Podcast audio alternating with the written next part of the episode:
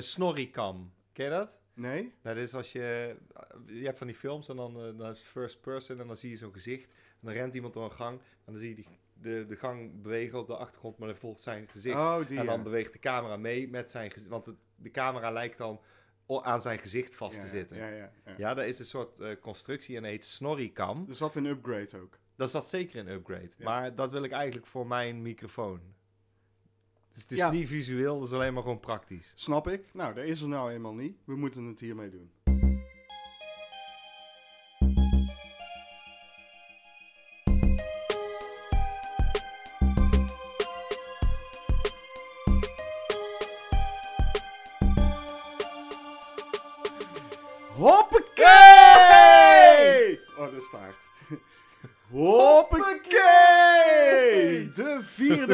Aflevering. Ik wil dat je die eerste er wel in laat.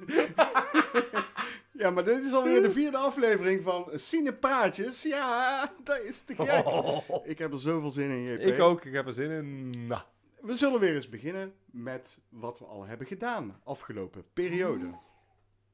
JP, het was eh, een geweldig feest, want we hebben onze 150ste aflevering opgenomen. ja. En eh, die heeft iedereen ook massaal gekeken. En dat kwam wellicht ook door onze speciale gast die daarbij aanwezig was. Dat klopt, dat was, eh, in principe was het Fred van Boets... boep, boep, boep, boep. Het was Fred van Boetscho...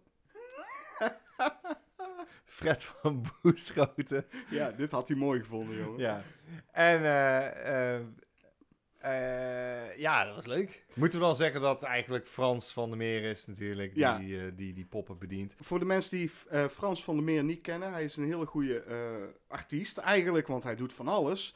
Ehm, maar hij doet dus ook poppenspel. Maar dat was dus gezellig. eh, gezellig. Dat was gezellig! Dat was gewoon kijkgezellig met Frans. Ja. Ja, ja kutfilm wel verder. Maar Nou nee, we hadden het nog over gehad dat wij eigenlijk, eh, we waren op zoek naar een Tiroler film, die Ja. ik dus absoluut niet kon vinden. Ik heb een paar Tiroler films, maar diegene die hij noemde, dacht ik, oh ja, die heb ik. En ik naar boven en ik, oh nee, ik, ik had eh, onder het rokje stoot het bokje. Wat ook al een goede titel is. ook mooie. eh, ja, nee, diegene die jij wilde, daar hadden we het in die andere uitzending over gehad. Maar die kan ik echt niet vinden. Dus dat is gewoon zwaar kloten. En toen eh, hebben we voorgesteld, maar dat was ook een voorstel van Fred dan in principe, dat Bud Spencer en Terrence Hill ook wel eh, goed zou zijn. We gaan door met de volgende film die we hebben besproken. En dat was Spoorloos. Een Nederlandse film. Dat doen we niet zo heel vaak. En dit was een, eh, een zeer eh, goede keuze, al zeg ik het zelf. Sorry, ik weet je waar ik aan moest denken? Nee. Aan die keer dat wij eh, een hele uitzending opnieuw moesten opnemen, omdat mijn eh, spoorloos was. Het grappige van eh, Spoorloos is trouwens, want eh, we hadden het erover dat het een heel spannend verhaal was. En toen eh, zei ik, nou, het is gebaseerd op een boek van Tim Krab Krab Krabbe. Gaat lekker met die naam, hè? Boeien. Nou, en Het Gouden Ei heet dat boek. En die heb ik dus daarna bij de biep gehaald. En ik heb hem meteen uitgelezen. Hij is ook maar 94 pagina's lang. Dus is prima te doen.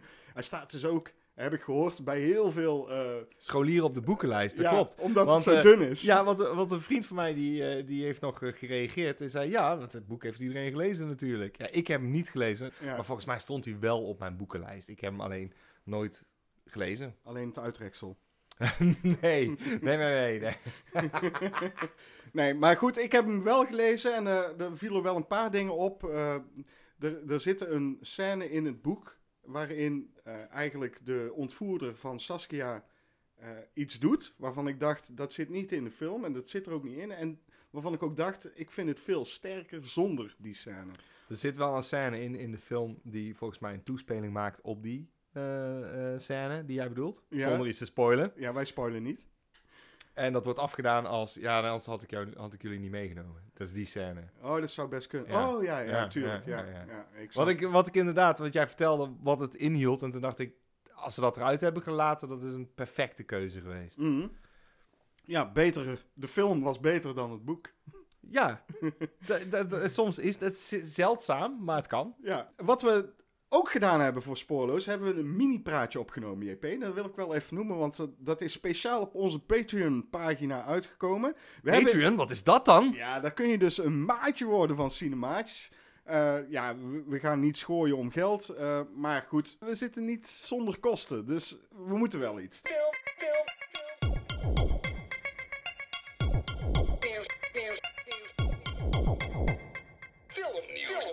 Wat is er allemaal voor nieuws? Nou, niet zo heel veel eigenlijk, want er Nee. gebeurt niks in filmland. Nee, echt helemaal Het niks. grootste nieuws is natuurlijk dat Sean Connery dood is gegaan. En eh, ja, op een schappelijke leeftijd. Ook dacht op een schappelijke manier. Hij heeft een eh, mo- mooie oeuvre achtergelaten. Eh, iedereen zal hem herkennen als James Bond. En ik denk dat dat tot in de eeuwigheid zo zal zijn, JP. Nee, ik zal hem altijd blijven herkennen als Z. Daar komen we nog op. Eh, dat zien jullie binnenkort eh, op onze YouTube. Onze YouTube. Op onze YouTube. Oh, zo. Dat is gewoon YouTube.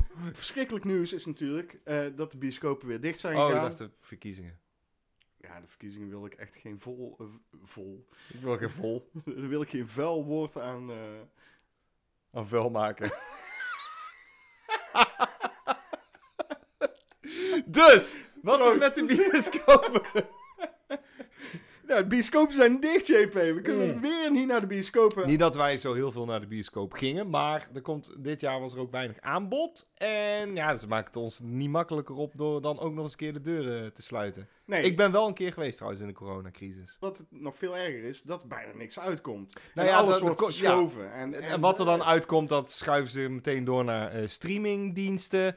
Maar ja, weet je wel, ik, heb ook eens iets van, je je mist toch de bioscoopervaring. Er zijn bepaalde films die ik echt wel in de bioscoop wil zien. En dan denk ik, oh ja, dan, dan brengen ze het uit bijvoorbeeld op eh, een van de streamingdiensten. En dan denk ik, ja, maar ja, dan moet je weer zo'n abonnement nemen. En als je het wel hebt, dan is het heel leuk. Maar het blijft dan toch gewoon een televisiefilm kijken op een of andere manier. Want niet iedereen heeft een... eh, ja, dan moet je zeggen, ja, ik heb een Dolby Surround setje, blablabla. Zeg maar, het is niet hetzelfde als naar de bioscoop gaan. Een, een bioscoop is gewoon een avondje uit. En voor een film wil je soms die moeite wel doen. En ik mis dat wel, denk ik. Nee, en je hoort ook de reacties uit de zaal. Dat is allemaal... Dat, Er zijn allemaal mee. ervaringen Ja. die je meeneemt. Precies, dat doet allemaal mee in de ervaring die een bioscoop-ervaring met zich meebrengt. Ja. Nou, zo kun je het zeggen, hè? Ja. Een nieuwtje wat ik nog heb gevonden is dat er wordt gesproken over een tweede deel van Dog Soldiers. ja. Het enige is, eh, er wordt over gesproken. En dat is dan eh, tussen Neil Marshall en eh, Kevin Kidd. Dat zijn de regisseur en eigenlijk het hoofdpersonage van de film. Die hebben het erover om een tweede deel eventueel te gaan doen. Ik heb die eerste maar echt één keer gezien. En dan heb ik hem gezien zelfs eh, bij Night of Terror, denk ik. Ja, wij hebben hem gedraaid. Wij het? hebben hem gedraaid ook. Met, eh, Echt waar? ja, Oh, dan heb ik hem niet bij de gekeken. Cinecave. Oh, oké. Ja, oké. Dat was onze avond, zeg maar. eh, jaren geleden in 013. Ja. Maar Dat kan best wel een interessante film zijn voor ons cinematjes om nog eens een keer te herkijken. ja, want het zegt me helemaal niets meer. En en wat, wat ik denk is dat ik waarschijnlijk gewoon ergens eh, tijdens de film in slaap ben gevallen. En dat was later, was midden in de nacht.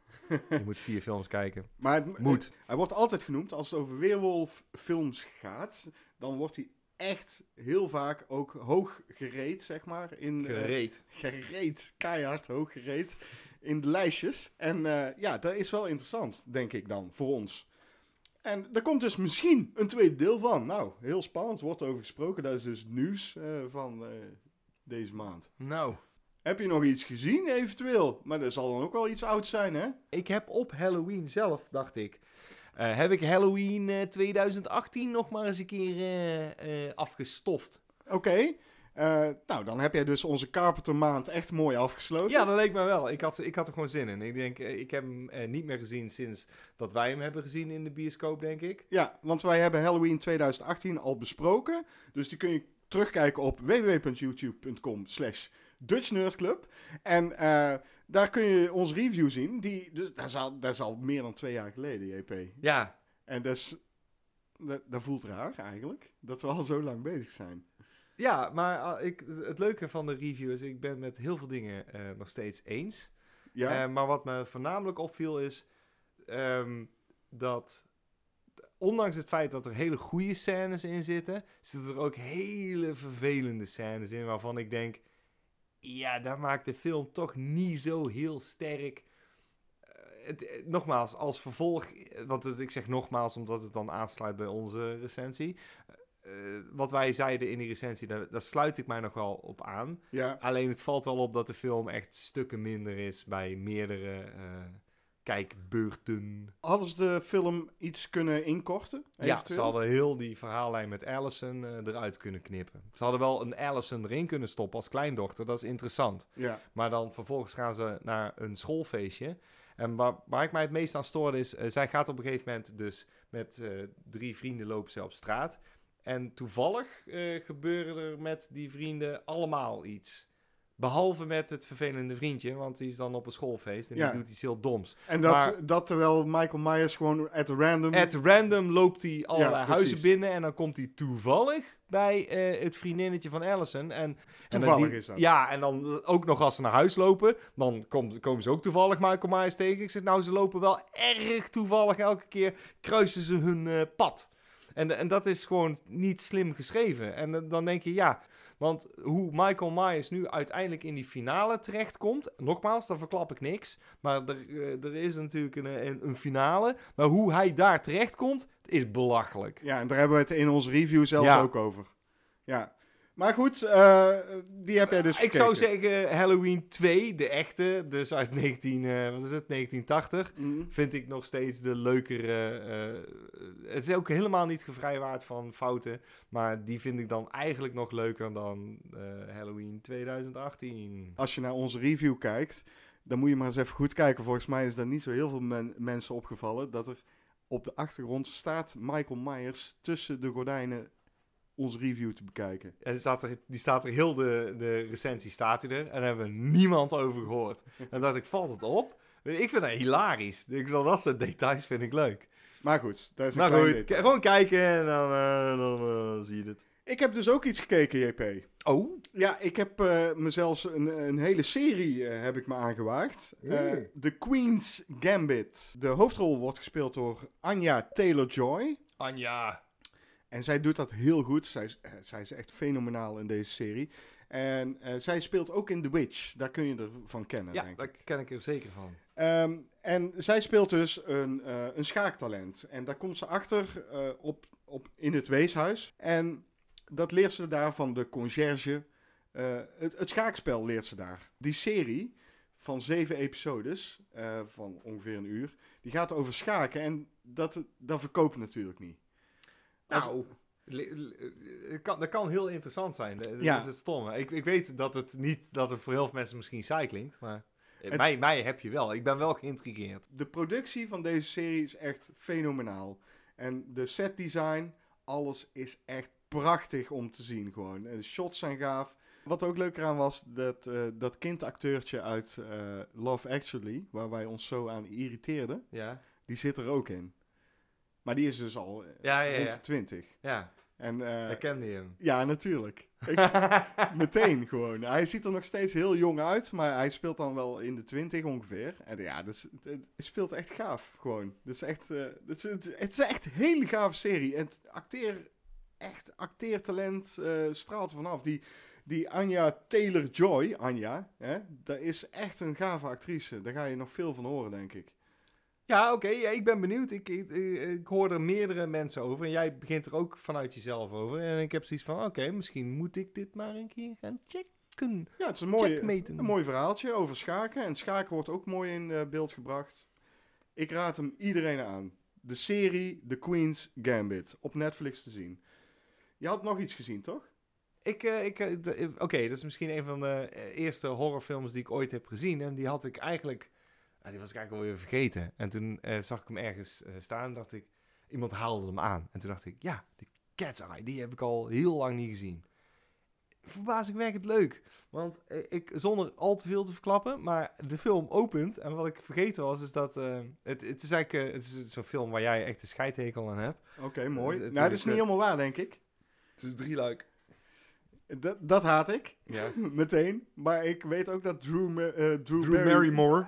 Drew Barrymore erin Het gaat zit. lekker met de naam vanavond, jongens. Echt niet normaal. Extra, ja, dat komt door de wijn. Ja, joh, ik geef de wijn de schuld. We kunnen gewoon geen namen uitspreken, dat is niet. Maar, Drew eh, Barrymore. nou, Drew Barrymore zit erin. En die, eh, die, eh, die zit er in allerlei incarnaties in. En dat was ik eigenlijk vergeten. Dus zij zit in al die verhaaltjes. Zij is de rode draad. N- nou ja, zij is de rode draad. Alleen zij, wordt, zij speelt elke keer een andere dochter of meisje die ergens ziet. Ja, ja. En eh, op het laatste verhaaltje, dan, dan neemt zij de hoofdrol. Maar dat vond ik al heel leuk gevonden. Maar je volgt een kat. En die kat die, eh, wordt eh, in het begin van de film achterna gezeten door een hondsdolle eh sint Bernards hond. En dan dacht ik, dat is cool. dat is. Joe. Ja. Dat is cool, joh. Maar dan steekt die kat op een gegeven moment de straat over. Wordt hij bijna aangereden door een rode Chevrolet. Oh, dat is eh, Ja, maar dan, Christine. toen dacht ik, oh, dat is leuk gedaan. Maar toen, dan moeten ze dan nog een keer benadrukken met de sticker met I am Christine. Ik zei, ja, dat, is, dat, dat leek bijna parodie. De rode draad is die kat die dus elke keer een verhaaltje binnenwandelt. Ja. Eh, of hij wordt gewoon meegenomen door iemand en dan ontsnapt hij. En elke keer wordt hij door een meisje gewaarschuwd van je moet me komen redden. Dat is dan Drew Barrymore. En op het laatste, van de, het laatste verhaaltje dan... en dat is het verhaaltje wat mij het meeste bij is gebleven. Want dat heeft mij doen interesseren voor special effects. Oké. Niet dat die special effects zo bijzonder zijn, dat is absoluut niet. Maar het is eh, Carlos Rambaldi, die ook E.T. heeft gedaan en zo. Die heeft de eh, special effects gedaan in deze film. Mhm. Ehm, waaronder eh, een wezentje die in het derde verhaal zit. En eh, ja, op een of andere manier eh, sprak mij daar gewoon enorm aan. Het is gewoon een kleine troll, is het. En, en dat ziet er gewoon heel gaaf uit met lichtende, lichtgevende oogjes. Oh, ik dacht En dat je dat- het over Drew Barrymore had. Ja, het is gewoon een kleine troll. En, eh,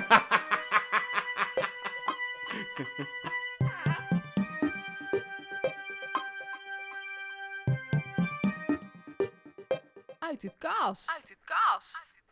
Het is een bijzonder eh, exemplaar wat we uit de kast hebben getrokken, JP. Want het is Ja, niet dat- een film, maar ja, le- ja, leg jij het anders maar even uit. Want ik struikel Eh, toch al heel eh, keer over mijn hier. Ik heb hier in mijn hand eh eh strongbademail.exe. En dat is een DVD-box met alle Strongbad email cartoons. Die ooit, eh, hier staat 2004, dat zou wel kunnen kloppen. Ja, dat klopt. Eh, dat, dat Dat klopt. klapt. dat klapt er gewoon bovenop. In 2004 was dat een eh, serie die eh, William en ik eh, zo'n klein beetje dezelfde tijd hebben ontdekt. Ja, Op internet was Homestar Runner een flash cartoon met een debiel figuurtje genaamd Homestar Runner. Heel grappig. Maar die heeft een soort bad guy erin zitten.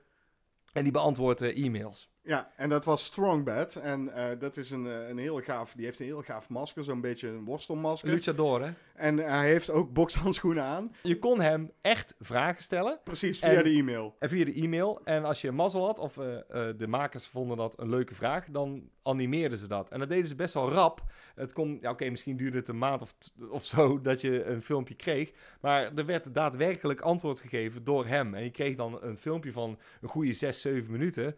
Die, die eh, brief beantwoord. Er zaten echt fantastische brieven bij. Want wij hebben, daar heb ik zo hard om moeten Ja, lachen. eh, Ik herinner me nog Trogdor, dat vond ik echt fantastisch. Daar is er zelfs een spel van gemaakt. Ja, Ja, de, eh, Trevor the Vampire. eh, er zitten, ja, je weet je, het is, je, je, je moet het gewoon zien. Je moet je voorstellen, mensen vragen hem iets en hij geeft daar antwoord op. En het gaat altijd off the rails. ik denk zelfs dat wij ook een keer een e-mailtje gestuurd hebben naar Strongbad. Die hebben we gedaan. Eh, is het niet eh, samen, dan is het wel afzonderlijk van elkaar. Want ik heb er meerdere gestuurd. Maar mijn e-mail is nooit langsgekomen. Dat vond ik echt wel jammer eigenlijk. Want ik heb echt toen heel goed nagedacht over wat ga ik aan Strongbad vragen. Waardoor ik denk dat ze het misschien kunnen behandelen. Maar nee, het is nooit gelukt. De serie eh, leunt voornamelijk op grappen die ze zelf hebben verzonnen. En, en eh, ehm, dus ze refereren heel veel. Het is gewoon heel self-referential. Dus ze refereren alleen maar aan dingen die jij zelf eh, vanaf het begin hebt gevolgd in ja, de serie. Ja. Van als dat ooit een keer is eh, genoemd in een brief, dan kan het best zijn dat dat 20 afleveringen ergens op de achtergrond terugkomt. ja, en dat is heel grappig. Want dat doen wij eigenlijk ook met cinemaatjes. Laat wel weten. Ja, ja, dat klopt. Oké, maar misschien zijn daar inderdaad de, de zaadjes wel door geplant. Want Ja. zoiets als precies of eh, ja, gewoon kleine running gags als ho-ho. Dat zijn gewoon grappen die wij blijven herhalen. Dat doet Strongbad e-mail ook. Laten we niet vergeten, Homestar Runner was eigenlijk eh, de held van deze eh, en Flash is animatie. eigenlijk, als je, als je het gaat bekijken, die is het grappigste. Maar de, je zou prat gaan op, eh op Strongbad, omdat hij gewoon leuk eh, die e-mails beantwoordt. Maar ik moet altijd het hardste lachen om eh, hoe stupide eh Homestar Homestar is. Ja. Eh, ja, inderdaad. Baliet it.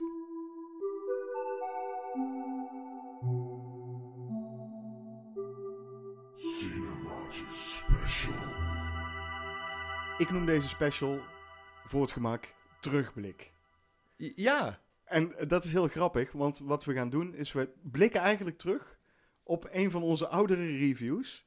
Sterker nog, het is onze eerste review die wij terugblik noemden.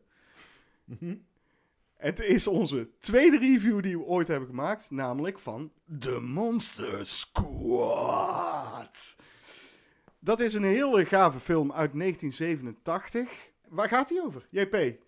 Het gaat over een clubje jongeren die eh, allemaal buitenbeentjes zijn. En op een gegeven moment krijgt een van de hoofdrolspelers krijgt een dagboek in zijn handen. En eh, daarin, eh, het gaat eigenlijk allemaal over Universal Monsters. Juist. En daar houden die kids nogal van. En die hebben een eigen clubje, wat ze ook de Monster Club noemen. En die gaan dus het gevecht aan met deze Universal Monsters. Ja, en die zien er allemaal fantastisch uit. Want die worden gemaakt door Stan Winston. Dus dan ziet het er automatisch al gewoon puntje gaaf uit. Ja, het is een vergeten film. En dat hadden wij ook gezegd in onze review, omdat wij zelf pas heel laat die film hebben ontdekt. Ja, en nou ben ik de laatste tijd heel erg eh, gedoken in de documentaires die eh, meer gaan over eh, horrorfilms en al, al dat soort zaken. In één keer stuitte ik op een documentaire en toen dacht ik, die, die heb ik helemaal nog nooit gezien. Eh, die he- heet eh, Wolfman's Got Nards. Ja, en die Eh, heb jij naar mij gestuurd ook. Ja, want ik had zoiets van, oh, nou ja, die moeten, we, die moeten we gewoon alle twee kijken. Nou, jij hebt hem thuis gekeken, ik heb hem hier gekeken. Man, wat een heerlijk fijne documentaire. En die gaat, natuurlijk gaat hij over de Monster Squad. Maar het leuke is dat hij... ehm, Hij gaat ook over het cult-idee wat de Monster Squad heeft ontwikkeld. Ze hebben het onder andere over het feit dat de film, toen die uitkwam, heeft eh, Fred Dekker, die legt dat ook uit van, eh, er is eigenlijk gewoon helemaal nooit iemand naartoe gegaan, weet je wel. Eh, ze, hadden er heel veel van verwacht. Ze hebben er heel veel tijd in gesto- gestoken, de special effects, noem het maar op. En ze werden verslagen door The Lost Boys. En ik zat deze documentaire te kijken en toen dacht ik, maar al onze conclusies die wij trokken toen, Ja, die, die komen de hele tijd terug als ehm, onderwerpen in deze documentaire. Dus mensen die er helemaal fan van zijn ge- geworden. Wat wij zeggen ook later in, in onze recensie van... als jij deze film eerder had gezien... dan hadden we hem dus helemaal fantastisch gevonden... en dan hadden we hem vaker gehuurd. Dat is precies wat er bij heel veel van die, van die fans... die in de documentaire terugkomen ja. komen of aan het woord eh, komen... is gebeurd. Die film is geflopt in de bioscoop. En wat er blijkt nou, toen hij in de eh, videotheek en sterker nog eh, eerder op HBO, HBO, eh, ja. kwam, of later misschien zelfs, toen heeft hij zo'n schare fans ontwikkeld. Want mensen dachten, oh, de Monster Squad, eh, nooit van gehoord, dan ga ik eens kijken. En die zijn daar fan van geworden, echt tot diep in hun hart. En die krijg je dus ook te zien in deze documentaire. Je hebt één dit cool nieuws en een van die mensen op één dit cool nieuws, eh, die was eh, van plan om hem te gaan draaien en die zei, nou ja, er zal wel niemand op afkomen, maar ik wil gewoon die film zien in de bioscoop. Ik denk dat het in 2006 was. Ja, Uitverkocht. En dat hadden ze nooit verwacht. Zoveel mensen kwamen erop dagen dat ze zeiden, nou doen we nog een tweede, tweede viewing achteraan, want dat is niet normaal. ja. Een paar acteurs uit de film erbij en toen kwamen ze erachter, holy shit, deze film heeft een cult following, dat is niet normaal. Na het kijken van de documentaire kreeg ik ook meteen weer zin om hem weer te kijken Ja, ja, ja, ja, ik ook. We- Hartverwarmende documentaire die ik van harte kan aanraden. Inderdaad, nou, niet alleen de Oh, de- documentaire, de, de- de- de- film sowieso. De, de film ook, maar de documentaire ook na afloop dan. Want Ja. het is... eh, ja, nee, de film zeker. Maar eh, ja, dat stuk over die eh, acteur die dan te vroeg eh, is doodgegaan, die er eigenlijk niet bij kon zijn. Want het leuke van de documentaire is, de hele Monster Squad zit er gewoon in. Dat zijn eigenlijk de makers van de documentaire, die dus elke, ja, onder andere, ja. die, die dus met de filmcrew op stap gaan. Langs allerlei ple- plekken. Ze bezoeken de fans. Ze zijn aanwezig in de bioscoop. En ja, die film is gewoon echt... Die moet je gewoon hebben gezien. Ja, want hij mag wel genoemd worden in het rijtje The Goonies, The Lost Boys, E.T. vragen, vragen, vragen. Je kunt het aan ons vragen. in de vraagbak. Ja, dan komen we dus weer aan bij ons, eh, ons itempje eh, van, eh, ja, wat eigenlijk de kijker... Itempje. Maar het is eigenlijk gewoon wat de meeste... de kijker, ruimte- zei ik. Wat de kijker... de kijker. Hè? Nou ja, Nou ik ja, ga mensen wel die, kijken gewoon naar, eh, naar dat plaatje van ons. En dan denken ze, oh ja, dat is wel leuk. Ja, maar ik denk wel dat er veel meer mensen ons eh, zien als kijker dan dat ze ons horen als eh, luisteraar. Dat klopt. Maar hey, eh, er kan nog verandering komen. Het is bijna niet, Niet te doen. niet te doen, eigenlijk zoveel vragen. Het grappige is natuurlijk dat eh, Lucas Koning weer een vraag heeft gesteld. Tuurlijk. We kennen hem allemaal, we hebben hem vorige keer geïntroduceerd ook. En hij zegt, wat voor muziek vinden jullie leuk? Nou ja, dat kan een heel uitgebreid antwoord worden. Maar Ja. ik denk dat ik er even snel doorheen eh, raas. Ik hou van, van alles.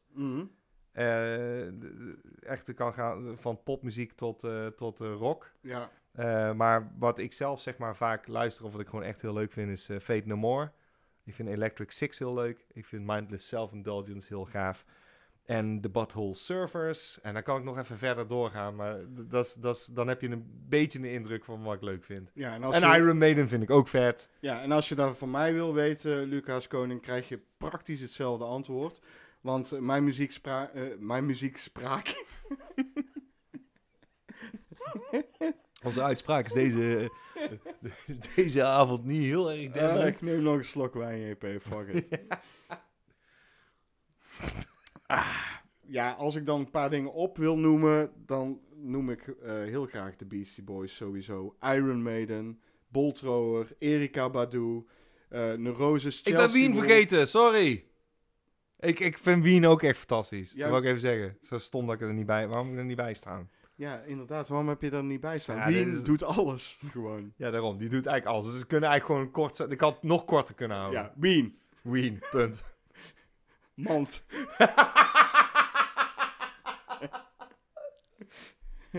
dus dat. Eh, Peter van Hoof heeft ook weer een vraag gesteld. En Peter van Hoof is een cinemaatje. Maatje. Ja, hij, hij, is, hij is meer een maat dan, hè? Want, hij is... Hij is, eh, hij is hij XL? Hij is hartstikke XL. Kijk, ja, daarom. Ze zien een maat. dat is echt een dikke maat van ons. Ja. Eh, die heeft de vraag: jullie zijn niet van de remakes en reboots, maar welke films verdient wel een tweede moderne kans? Oeh, lastig. Ik, ik, oké. Dat klinkt als goedkoop, want als moet ik in één keer gaan nadenken. Ik vind dat er al eentje is gemaakt waarvan ik dacht, oh, ik wist niet dat daar een remake van nodig was. En er is er eentje die wij zeker nog gaan doen. Ik pak Dus even een mellow cake. Je hebt, oh, je hebt ook nog even een cakeje erbij. Eh, ja, het is er eentje die wij nog eh, willen, eh, zeker nog gaan doen. En dan doen we ze alle twee. Dus dat is een film die ik leuk vind. En die vond ik al leuk. Mhm. Dat is Maniac. Ja, dat dacht Daar ik is al. een hele gave remake van gemaakt. En eh, als ze het op die manier doen, dan mogen ze voor mij best remakes maken. Mhm. Wat zijn twee andere films geworden. Precies. Ik zit, Maar ze hebben wel hetzelfde verhaal. Maar is ja.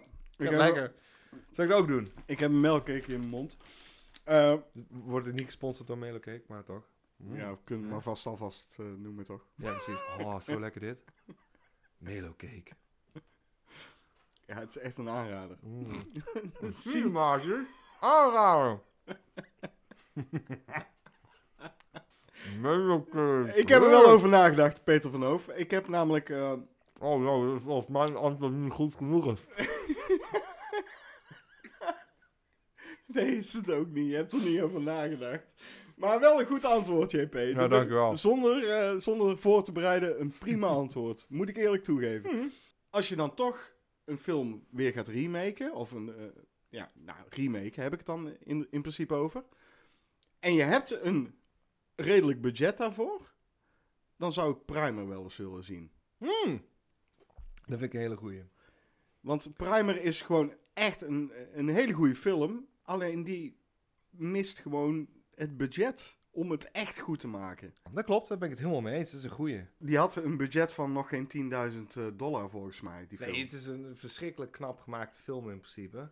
Maar dat heeft meer te maken met het verhaal dan eh, dat nee, maar als je daar eh, nu 2 miljoen voor geeft en, en je verandert niks aan het verhaal... Ik denk niet eens dat het 2 miljoen nodig heeft. Ik denk dat je die voor, voor, voor veel minder al wel beter kunt, kunt maken. Maar dan zit je wel veilig, ja. Inderdaad. Nou, we gaan verder naar de volgende vraag van Wibbly Wobbly Tarman Fever. Eh, zijn er films die jullie zo uitstekend vinden dat jullie deze zowel op VHS, DVD als Blu-ray hebben?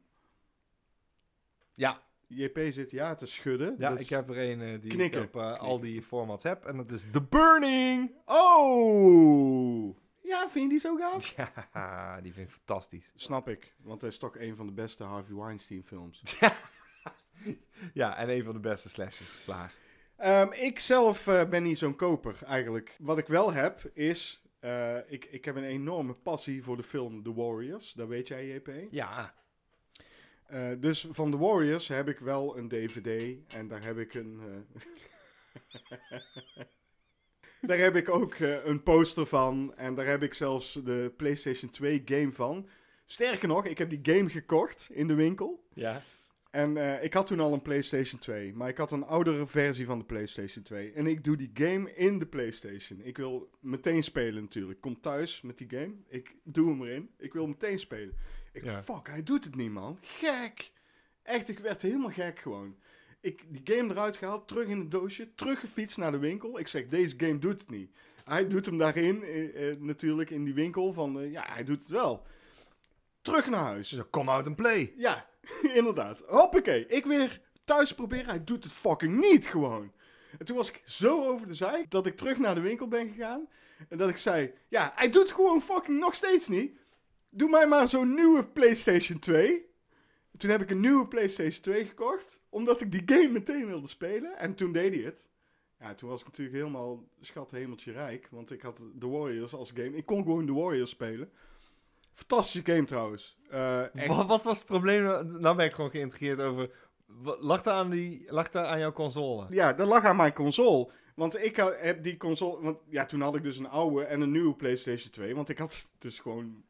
Ja, een PlayStation 2 gekocht, een nieuwe. En toen heb ik die aan een vriend van mij gegeven. En die zei. Ja, maar ik kan er de Warriors niet op spelen. Nee, hij, hij- nee dit is wat hij zei. Ja, ik heb er zo'n eh, CD in gedaan. Waarmee je eigenlijk de laser schoon kunt maken. Met zo'n borsteltje eraan. Oh, ja. Ja, hij deed het gewoon weer eh, fantastisch. Daar heb ik dus de game van.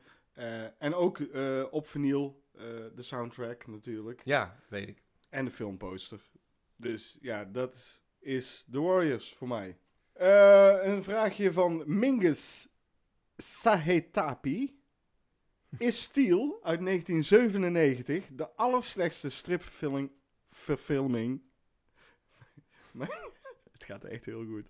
Ik neem nog een slok wijn. ja, dat is toch vervallen hard. Alle tijden.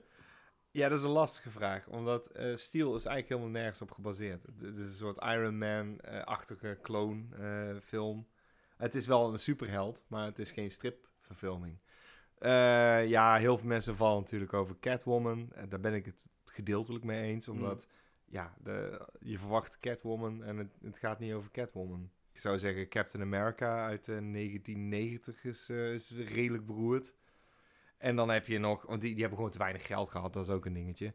Maar eh, je zou ook kunnen vallen over Batman en Robin, niet te vergeten. Als ik het met jou over stripverfilmingen heb, dan had ik toch wel meteen verwacht van jou dat jij Tank Girl zou zeggen. Oh, fuck ja! Oké, we zijn eruit. Tank Girl, dat is de allerslechtste. Fuck die film. Die is echt kut. Ja, want jij bent wel fan van de strip. Ik ben een enorme fan van de strip. Eh, eh, Jamie Hewlett, eh, de tekenaar van de Gorillas onder andere. Ja. Dus daar kende ik hem ook van. Sterker nog, dat is misschien wel leuk om te vertellen, is dat toen ik de eerste keer de Gorillas zag, het clipje, dacht ik, nou heeft iemand gewoon een heel tekenstijl gehad van Tank Girl. Wat is dat nou? ja. En dan denk ik, oh wacht, ze is al een tekenaar. dan, dan mag het. ja. En toen was ik gelijk fan van de Gorilla's. Maar eh, nee, eh, oh, daar was ik boos over, over die film. Oké, Tank Girl wint. Ja, precies. Oh, man, man, man, man, man. Eh, Mark Beulen heeft een vraag gesteld, JP. Hey, die ken ik! Ja, en dat is wel de eerste keer dat hij een vraag gesteld heeft. Eh, wat is er mis met romcoms? Nou, Ja, waar moeten we beginnen, Mark? nou ik, ik, ik zat te denken van, eh eh, dat kan ik in een zinnetje eh, samenvatten. Oké, Ze zijn formulematig, ja. maar het is ook een matige formule. Je hebt er echt over nagedacht. Ik, ik had bijna precies hetzelfde opgeschreven. Want ik zei... het dingetje is dat het verloop van zo'n romcom vaak hetzelfde is. En uiteraard is dat bij meerdere genres zo. Ja, tuurlijk. D- Dat, dat Maar was het dingetje. het ja. verloop van een romcom spreekt mij persoonlijk niet zo aan. Het is denk ik meer de aanpak die ze eh, toepassen bij een romcom eh, die me vaak tegenstaat. Dat je denkt, ja, oké, dat is wel heel makkelijk en kort door de bocht. En het is een, een paint by numbers, gewoon een lijstje afvinken van dingen die er moeten gebeuren. En dan de halverwege turnaround, ze krijgen ruzie. En dan, en dan Ja. komen ze weer bij elkaar. Onzekere Oh, jongen. Ja, of onzeker meisje, ja, je ze eh, helemaal invullen. ja, en dan eh, komen ze iemand tegen, dan gaat het allemaal goed. En dan gaat het toch weer mis. En boe, boe, boe, boe, boe. Ja. En zo van, dat is het. En dat kun je bij iedere film doen, dat weet ik. Want dat kun je met een horrorfilm ook doen. Kun je met een slasherfilm doen. Dat kun je Uiteraard. met een actiefilm doen. Dus je kunt iedere film op die manier ontleden. Maar bij romcom specifiek is het eh, de gemakkelijke manier waarop ze het eh, eh, elke keer Ja, er zit, doen. zit maar zelden een twist in, inderdaad. Ja, en als dat dus gebeurt, of ze doen er echt iets anders mee, of het, of het weet, weet je echt te raken, dan kun je hem scharen onder een goede romcom. Maar dat is voor ons zelden. Eh, nou, dan gaan we van... pff, oh, sorry, ik heb echt te veel wijn gedronken. Oké, nou, de volgende vraag is van Kevin, Kevin Kenty. Je kent die. Ik ken die. Ik ook. En die heeft er op zich best wel een leuke vraag. Want die zegt: Wat is het meest holy fucking shit moment in een film voor jullie ooit? Dan moet ik heel even uitleggen voor de luisteraars thuis die misschien niet weten wat een holy fucking shit moment is voor ons. Is dat gewoon een soort van head explosion of eh, crush. eh, Een moment waarop je omhoog springt en zegt: Wow! Holy fucking shit! Ja, dat je gewoon eh, eh, enthousiast, ges- geschokt reageert op een bepaalde scène. 9 van de 10 keer is het een hoofdexplosie. Ja. Maar inderdaad een, een excess in geweld. Waarbij je denkt: No, no! En waar we ook heel vaak bij hebben gedacht van even terugspoelen en Ja, nog een eh, keer. nog een keer. Goed, zal ik gewoon beginnen? Want ehm, eh, waar ik een enorm zwak voor heb in, in dit soort holy fucking shit momenten, is de head crush scene in eh The Toxic Avenger. Waar die gewichten op die gast zijn hoofd... eh, Maar die hebben wij niet gebruikt als, eh, als, als, als holy fucking shit. Nee, dat klopt. Maar dat is wel de scène waar ik altijd meteen aan denk als ik denk holy fucking shit. Raar dat we die niet hebben gedaan trouwens. Maar ik, ik- een leuk, leuk saillant detail over het feit hoe dat is ontstaan. Ik weet welke recensie wij daarmee zijn begonnen. Weet jij dat nog? Eh, ik hoop niet dat het Ricky Oh My Fucking Nee, nee, God nee, nee, is. nee, nee, nee, nee. Nee, Nee. maar die komt, da- da- daar wilde ik wel naartoe. Nee, dat weet ik zo niet. Eh The Beyond. Is Oh, de- dat zou heel goed kunnen. Ja. Oh, ja, oh ja, maar die is wel vet ook. En dat is dus meteen een hele goeie. Ja. De- Dus eh, de- om, om de vraag enigszins te beantwoorden Mhm. al. Dat vind ik een hele gave, want daar is mee begonnen. Ja, En toen die- riepen wij, holy fucking shit. Maar eh, we zullen onszelf niet zijn en ook nooit niks voorbereiden. eh, als we gewoon een aantal maanden later ook weer zoiets deden. En eh, dat was in eh, Live and eh, Die in L.A. ja, ja. En ja, ja. toen waren we vergeten wat we toen zeiden. En toen maakten we ervan, oh my fucking god. Inderdaad. En daar heb ik nog wel achteraan gegooid als sample. Holy fucking shit. Oh ja, dat, Want, ja, want elke keer probeerden we zo'n scène te herhalen. Want eigenlijk was de grap dat je dan... je laat het één keer zien, maar dan nog twintig keer. Ja, precies. Ja, dat was leuk, maar dat moet je niet te vaak doen. Strong bad. eh, Ja, ja, precies. Ja, precies. Zo, Oké, maar... en dan was er dus nog één andere eh, recensie waar we ook... eh, maar dat kwam beter uit. Eh, Ricky, Ricky, oh, oh my, my. fucking god. Ja, Ricky O, The Story of Ricky O. Die, die, ja, The Story of Ricky. Die vind ik ook zo gaaf. Die heeft ook een Oh My Fucking God. Maar ehm, eh, voor mij, het, ik, ik, ik zat echt over na te denken. En, en dat is misschien goedkoop, maar ik vind hem wel passend. Een holy fucking shit moment. ja. En die duurde twee uur, denk ik. Was heel Possession. Oh. Ja, daar, ja, daar kan ik me wel Sterker nog, dat heeft geleid tot de grap die jij oppert in de recensie. Eh, dit Oh, onze, onze, oh hoofden explo- Ja, ex- onze hoofden exploderen. En eh, als hommage aan holy fucking shit... eh, is de intro van die recensie dat onze hoofden exploderen. Dat klopt, ja. We zijn bijna door onze vragen heen. Als we de vragen van Patrice van Linden in ieder geval niet meetellen. Want die heeft duizend vragen gesteld aan ons. Hebben wij, eh, als je goed hebt opgelet... tijdens deze aflevering... Heel veel antwoorden al opgegeven. Juist. En anders, Patrice, bel gewoon een keer. Of app.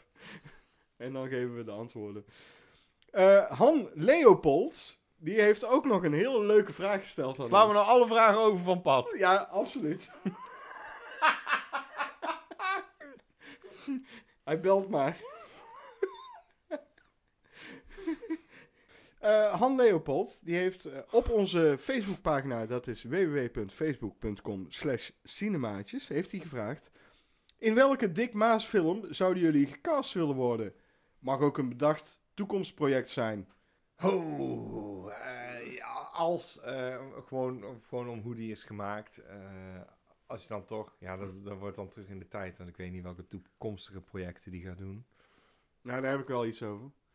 Kijk, het, Oh. is, het is namelijk zo... Dan wacht ik heel even op jouw antwoord. Eh, op momenten waar je over toekomstige projecten gaan ideeën gaan spouwen voor Dick Maas.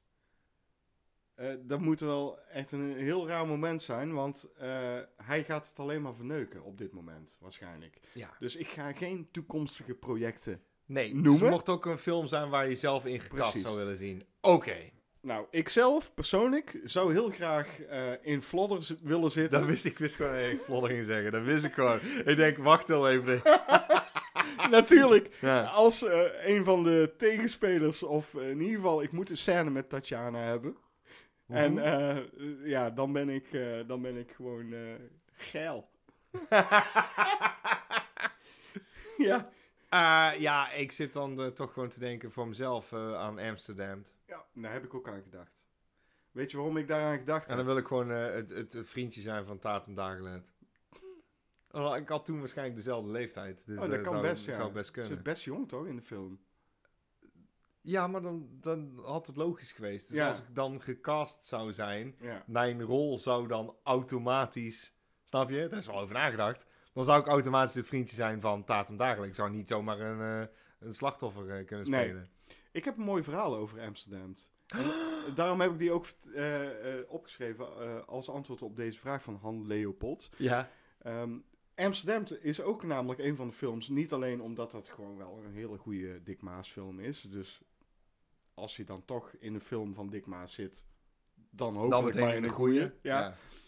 Eh, nee, toen ik eh, op de middelbare school zat, kwam op een gegeven moment eh, Wim Zomer langs. Ken je hem Eh, nog? Ja, Wim Zomer is in de film een eh, duiker. Ja, is Waar, waar Duikerzon. ze, ja, precies. Ja. waar ze inderdaad advies aan vragen. En hij is natuurlijk ook heel erg bekend van goede tijden, slechte tijden. Precies. Maar hij kwam langs op onze middelbare school om uit te leggen hoe het werkt om een film te maken. Als voorbeeld had hij Amsterdam meegenomen, dat hij daarin zat. En hij vertelde dus ook, ja, bepaalde scènes worden nagesynchroniseerd, omdat er gewoon eh, met geluid opnemen heel moeilijk is. En eh, dit is een van die scènes. En toen zei hij, is er iemand uit deze klas die mij wil spelen in deze scène? Dit is de tekst. En toen zei ik, ja, dat wil ik wel. En toen was ik dus Wim, Wim Zomer. Ik was Duiker John. En eh, ik kreeg de tekst. En toen kwam het beeld dus lopen zonder geluid. En toen moest ik dus proberen te lipzinken met Wim Zomer. En die scène zit in de film.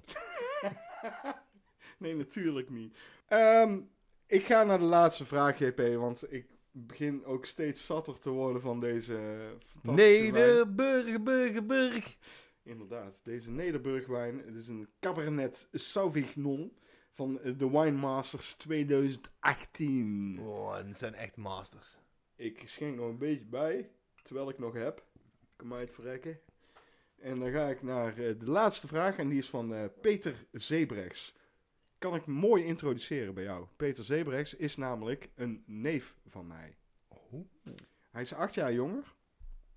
Hij heeft zelfs een keer gereageerd op een van onze posts. En toen zei hij: eh, Een van mijn eerste horror-ervaringen is dat ik bij mijn neef William was. Ja, En dat hij Nightmare on Elm Street 3, Dream Warriors aan het dat kijken was. leukste. En eh, dat hij daar dus slapeloze nachten van heeft gekregen. Ik zie hem niet zo heel vaak, maar wat ik wel weet is dat Peter ook enorm van, eh, van films houdt en van cinema. Maar horror, ik weet niet of dat een ding is waar hij nog wel heel veel eh, affiniteit mee heeft. Zijn vraag heeft er wel mee te maken en dat is namelijk het volgende. Horrorfilms worden natuurlijk vaak ondergesneeuwd bij de Oscars. Maar welke actrice of acteur had voor jullie wel een Oscar mogen krijgen voor hun rol in een horrorfilm. En zelf komt hij al meteen met een hele goeie. Hij noemt namelijk Tony Collette in Hereditary. Waarvan ik persoonlijk al dacht van, nou, dat is best wel Oscar waardig. Dat wat is absoluut doet. Oscar waardig. Eh, zelf, want dat is de vraag natuurlijk. Ja, Ja, eh, lastig. Er zijn er zoveel horrorfilms die ik fantastisch vind, maar opvallend. Ja, ik dacht het, het eerste gewoon, eh, ik moet dan het eerste gewoon zeggen, ja. is Brad Dorff in Exorcist 3. echt waar? Ja, die vond ik heel gaaf. Oké. Ja, die vind ik, vind ik indrukwekkend. Maar Exorcist 3... eh, 3 Wat Het is de wijn. Exorcist 3.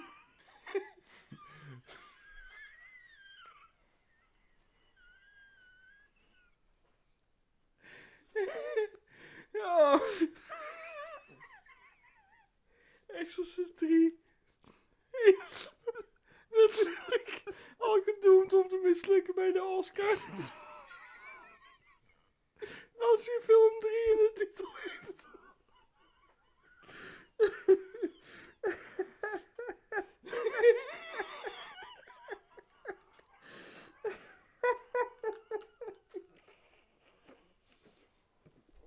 Maar... Brett Dorf is ook Chucky trouwens.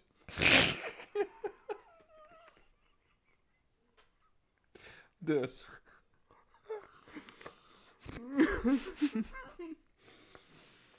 Inderdaad. ik geloof daar meteen. Alleen een derde deel van een film is vaak niet zo'n goede meetgraad voor de Oscars. Dus die zal niet snel genomineerd worden. Dat wou ik eigenlijk zeggen. Meetgraad.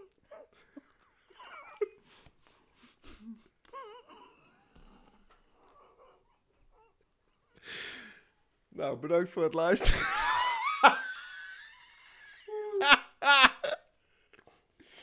bedankt voor jullie vragen in ieder geval. Ik heb ook nog wel een antwoord. Oké. Mm. Ja, Het is niet per se een horrorfilm. Maar in The Lighthouse zitten twee fantastische acteurs. daar zat ik, weet je, daar zat ik nog aan te, te denken. Ik, Willem Dafoe had daar absoluut En Robert Pattinson net zo goed. Ze waren alle twee sterk. En daar ben ik het helemaal mee eens. Maar ik denk dat de meeste... Wat, wat ik vind het een van Willem Dafoe's eh, interessantste eh, rollen. Echt, hij is zo raar en hij is zo goed. En hij, het, is, het is zo goed voorbereid. En die speech, daarvoor had hij de Oscar mogen krijgen. Ja, en dan wil ik nog twee andere Die monoloog bedoel ik. Precies. Ja. En dan wil ik nog twee andere, wat oudere films eh, benadrukken. En dat is The Shining, waarin Jack Nicholson absoluut een Oscar had mogen winnen. Ja. En dan heb je natuurlijk, daar zijn we al op eerder opgekomen, Possession, waar Isabel Adjani Ja. absoluut een Oscar had mogen winnen. Absoluut. Nou, dan, eh, dan zijn we zo een beetje wel rond. Ja, dat is gelukkig. De fles wijn is, eh, ja, die is zo goed als op. bijna op. Geef mij anders nog een mellowcake en dan sluiten we het verhaal af met onze, Hier, een mellow cake. onze socials. Namelijk. Facebook.com slash cinemaatjes. Instagram.com slash cinemaatjes 013 Slieme maatje. soundcloud.com slash cinepraatjes. En je kan ons ook eventjes steunen. Of wat langer, zolang je wil, op patreon.com slash cinemaatjes. En dan zeg ik voor nu, adieu. Bonsoir.